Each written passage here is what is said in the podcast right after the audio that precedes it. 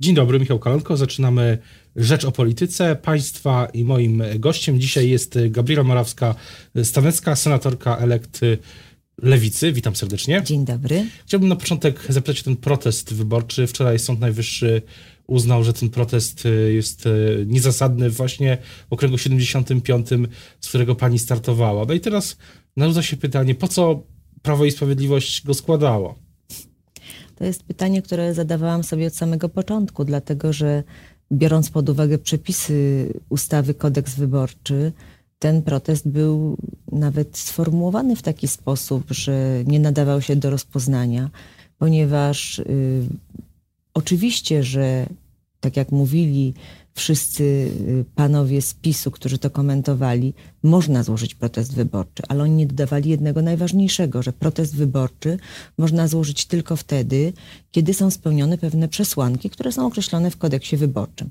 Żadna z tych przesłanek nie była spełniona, ale oni zaklinali rzeczywistość, że z ciekawości, żeby sprawdzić, można złożyć. No nie, dlatego że nie należy traktować Sądu Najwyższego jako superkomisji wyborczej, która będzie sprawdzać głosy.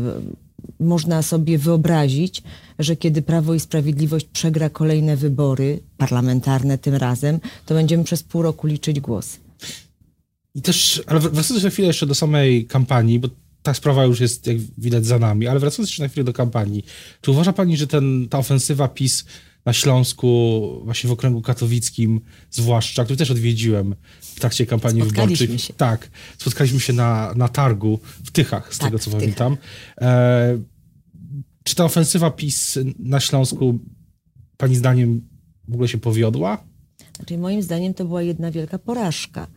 Ta ofensywa PiS zaczęła się jeszcze przed kampanią wyborczą, przygotowaniami do obchodów y, święta Wojska Polskiego 15 sierpnia. Wszyscy katowiczanie byli przerażeni, ponieważ nie dość, że zniszczono trawniki, zniszczono asfalt, jeździ, latały samoloty, zresztą ja mieszkam trochę dalej od Katowic i to słyszałam, latały samoloty, ludzie byli zdenerwowani, ludzie w zasadzie na ten okres czasu katowiczanie się wynieśli z miasta. I cała ta ofensywa jakby miała odwrotny skutek. Ja pamiętam w moim okręgu wyborczym, gdzie pan premier Morawiecki, albo minister Wójcik, albo pan Czesław Ryszka, właśnie mój konkurent, Y, fotografowali się albo z czekami na 400 tysięcy złotych dla samorządu, albo z jakimś ambulansem, albo były informacje, że właśnie Straż Pożarna otrzymała nowy samochód. Ja już abstrahuję od kwestii, że to jest wszystko niezgodne z kodeksem wyborczym, bo w kampanii wyborczej nie wolno używać pieniędzy innych niż pieniądze Komitetu Wyborczego a na pewno nie były te rzeczy finansowane z Komitetu Wyborczego Prawa i Sprawiedliwości. Więc biorąc pod uwagę ilość nakładów, i wynik pana premiera Mateusza Morawieckiego, no to taki dość słabiutki jest. A myśli pani, że wyborcy, y, jak, jak odbierali ta, ta opowieść modernizacji? Bo premier Morawiecki często od w zasadzie samego początku, od expose, od, być, od tego, kiedy jest już, kiedy był wicepremierem, e, snu. Opowieść modernizacji na Śląsku to była sprawiedliwa transformacja energetyczna, Zielony Śląsk, Dolina Krzemowa, Europy i tak dalej i Centrum Himalaizmu y, w Katowicach pewnie nie powstanie, bo przecież katowiczanie nie zagłosowali tak jak trzeba. Y, I elektryczne samochody. No to są takie wizje. My na Śląsku jesteśmy dość pragmatyczni. Y, to jest taki rejon, gdzie liczy się ciężka praca i raczej słowo, jeżeli się je wypowiada, to ono znaczy słowo. U nas się nie snuje wizji, tylko mówi się tak, jak jest. I Ślązacy doskonale widzą, jak wygląda ta transformacja energetyczna zielona, kiedy Rybnik jest jednym z najbardziej zanieczyszczonych miast w ogóle w Europie, kiedy ten smog, no zaczyna się okres grzewczy. Y, my oczywiście sprowadzamy nadal y, węgiel z Rosji, głównie z Rosji ponieważ nasze górnictwo jest w takim stanie, że nie jest w stanie wyprodukować węgla na potrzeby polskiej energetyki, ale też palimy byle czym i, i generalnie nikt tego nie widzi, nikt z tym nie walczy. W związku z czym no, Ślązacy wystawili rachunek. Wracając już do samej przyszłości, do Senatu, e, jak pani sądzi, co teraz powinno się wydarzyć, co się dzieje w ogóle, jeśli chodzi o opozycję i Senat, i prezydium Sejmu? Czy pani w nim na przykład, prezydium Senatu. Senatu, czy pani w nim będzie? Bo takie też pogłoski są. Znaczy, prowadzimy rozmowy jako demokratyczna opozycja, prowadzimy rozmowy na temat kształtu prezydium Senatu. To jest bardzo istotna kwestia, bo od tego, jaki będzie kształt prezydium, kto będzie marszałkiem Senatu, będzie zależał później cały porządek prac Senatu w całej kadencji. W związku z czym rozmawiamy, te rozmowy odbywały się już kilkakrotnie. Są propozycje, ponieważ każda y, opcja w wewnątrz demokratycznej opozycji ma swoich kandydatów.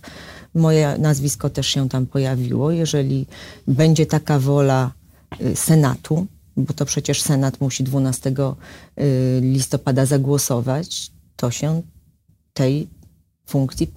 A kto powinien być marszałkiem Senatu? Czy to powinna być osoba z największej partii, liczebnie przynajmniej największej opozycyjnej, czy ktoś z senatorów niezależnych?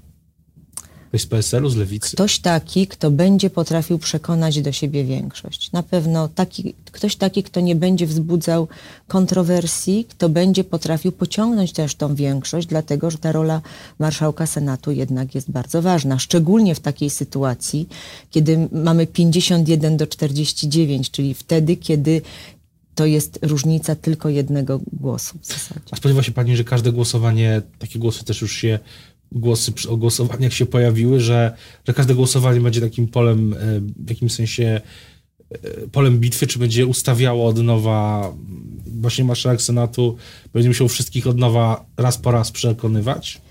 Po, pierwsze to jest kwestia nad jakimi ustawami, bo są ustawy, które są takim bieżącym życiu parlamentarnym uchwalane. Przecież tych ustaw jest uchwalane mnóstwo, czasami trzeba poprawić jakiś przepis. Także będą na pewno takie ustawy, co do których nie będzie żadnych wątpliwości, które, i co do których też nie będzie musiało być takiej mobilizacji po stronie opozycji, żeby wszyscy ci y, senatorowie byli obecni na głosowaniu. Ale na pewno, jak znam Prawo i Sprawiedliwość i to, co robił w parlamencie w ostatnie cztery lata, na pewno będą takie ustawy, których procedowanie i głosowanie będzie wymagało maksymalnej mobilizacji po stronie opozycji po to, żeby, żeby chociażby uchwalić poprawki. A na ile myśli Pani, że będzie widoczna ta rola ustaw, Senatu jako izby, która wysyła ustawy do Sejmu? Bo tak Krzysztof Kwiatkowski senator elekt, e, niezależny senator elekt, e, który notabene startował wbrew e, temu tak zwanemu paktowi senackiemu, mówi, że powinna być bardziej widoczna też rola nie tylko poprawki, ale też własnej inicjatywy. Znaczy Senat ma inicjatywę ustawodawczą i myślę, że będzie również z tego korzystał. Niemniej jednak po raz pierwszy od 1989 roku jest taka sytuacja, że większość rządząca, która ma większość w parlamencie, nie ma Senatu, nie ma większości w Senacie. W związku z czym na pewno na Senat będą skierowane oczy wszystkich i na pewno będzie można po raz pierwszy być może zobaczyć, że ta rola Senatu w polskim parlamentaryzmie jednak jest znaczna. Też chyba tym bardziej istotne jest, kto będzie marszałkiem Senatu, czyli takim liderem. To jest bardzo istotne, dlatego rozmawiamy i myślę, że 12 listopada w efekcie tych rozmów nie będzie już żadnych wątpliwości. A jak pani swoją rolę widzi w Senacie, mijając kwestie, y, odstawiając na chwilę na bok kwestie mm, personalne, w sensie mm, czym się pani chce zajmować, jakimi tematami? No, z racji samego faktu, że jestem prawniczką, na pewno kwestiami prawnymi, Y, czyli y, Komisja Praworządności, Praw Człowieka i Petycji. Y, to jest komisja, w której naj, najchętniej bym pracowała. Również kwestie spraw zagranicznych, kontaktów z Unią Europejską jako takie moje zainteresowanie polityczne. Niemniej jednak na pewno najistotniejsza kwestia to jest kwestia ustaw, które wychodzą z parlamentu, bo ja przez wiele lat pracując, nawet stosując prawo, które jest uchwalane. Miałam czasami ogromne y, problemy z interpretacją przepisów i największy zarzut, jaki zawsze stawiałam, zresztą praktykujący prawnicy bardzo często stawiają taki zarzut, zarzut parlamentowi, to jest to, że nie patrzy się, jak ta ustawa, jak ten przepis, który zostaje właśnie uchwalony, będzie miał odzwierciedlenie w wykonywaniu, jak go wykonać w ogóle. Mamy też mnóstwo na przykład teraz zmian w kodeksie postępowania cywilnego i przyznam panu, panie redaktorze, że naprawdę ucieszyłam się po raz pierwszy, że nie będę musiała tego prawa się uczyć i stosować, bo ono jest straszne. A z drugiej strony też pytanie, e, jak pani w ogóle widzi tą nową, nazwijmy to, polityczną dynamikę, w której lewica, jest, jest silna lewica w Sejmie i Senacie, jest dosyć silne PSL y, z komponentem takim y, obywatelsko-antysystemowym. Jest y, jeszcze naj, dalej największa, jeszcze największa partia, mm, liczebnie największa partia opozycyjna, czyli Platforma Koalicja Obywatelska. Czy, czy to ma wpływ na też dyskusję o, o Senacie? Ja generalnie myślę, że ten parlament będzie nieco inny niż 4 lata temu, niż całą tą kadencję y, czteroletnią. Właśnie przez to, że lewica wróciła do, do parlamentu po czterech latach do Sejmu, po dwunastu bodajże do Senatu, to też bardzo się cieszę, że, że do tego się przyczyniłam. I generalnie y, myślę, że lewica poprzez swoją świeżość, tutaj weszło bardzo dużo osób, które działały y, w NGO-sach, które były działaczami, działaczkami społecznymi, weszło bardzo dużo kobiet z lewicy.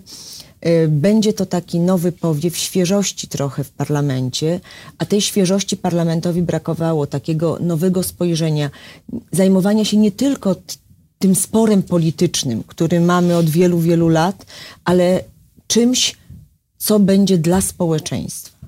A y, co do samej lewicy, y, myśli Pani, że będzie jeden wspólny klub parlamentarny? Bardzo tego chcemy, aby był jeden wspólny klub i pracujemy nad tym. Także Wiosna i Sojusz Lewicy Demokratycznej już od dawna rozmawia o wspólnym klubie. Bardzo chcielibyśmy, aby do tego wspólnego klubu dołączyła Lewica Razem, czyli Partia Razem. Y, I zobaczymy, ponieważ silna lewica, silny klub lewicy w Sejmie daje nam y, też silniejszy głos w parlamencie. A jeszcze na koniec pytanie o następne wybory, wybory prezydenckie. Czy pani zdaniem lewica, w jaki sposób całe to środowisko, które się połączyło w te trzy, te trzy partie główne, trzy komponenty, w jaki sposób powinny wyłonić kandydata lub kandydatkę na, na prezydenta? Lewica chce wystawić swoją kandydatkę bądź kandydata na prezydenta.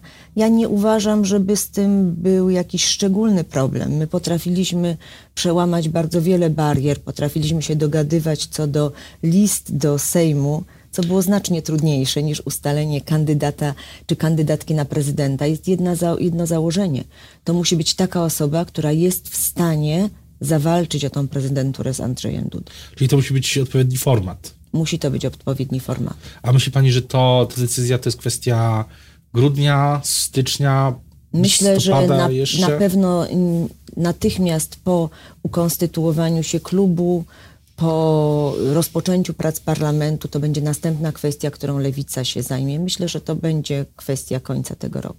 A potencjalnie, czy widzi Pani taką możliwość, że na przykład kandydatem całej opozycji byłby Donald Tusk, lewicy też? Znaczy, Donald Tusk w ogóle na ten temat się jeszcze nie wypowiadał, więc trudno no, nam enigmatyczne. Trudno nam słowa. dywagować, czy Donald Tusk w ogóle zdecyduje się wrócić do polityki. Jeżeli tak, to będzie to zupełnie nowa sytuacja polityczna i będziemy się nad, nad tą sytuacją zastanawiać. Ale powtarzam cały czas, że w pierwszej turze e, Lewica chce wystawić kandydata czy kandydatkę, który będzie w stanie zawalczyć o prezydenturę. O tym, jak to będzie wyglądało i o też dyskusjach w Senacie y, i przed posiedzeniem Senatu 12 listopada, które wtedy będzie. Będziemy o tym jeszcze wielokrotnie mówić i, i pisać. Teraz bardzo już dziękuję za rozmowę. Dziękuję bardzo dziękuję Państwa. Bardzo. I moim gościem była dzisiaj Gabriela Morawska-Stanecka, senatorka elekt y, z Lewicy. Ja nazywam się Michał Kolanko i zapraszam na Rzecz o Polityce jutro o tej samej porze w imieniu Jacka Nizinkiewicza. Do zobaczenia.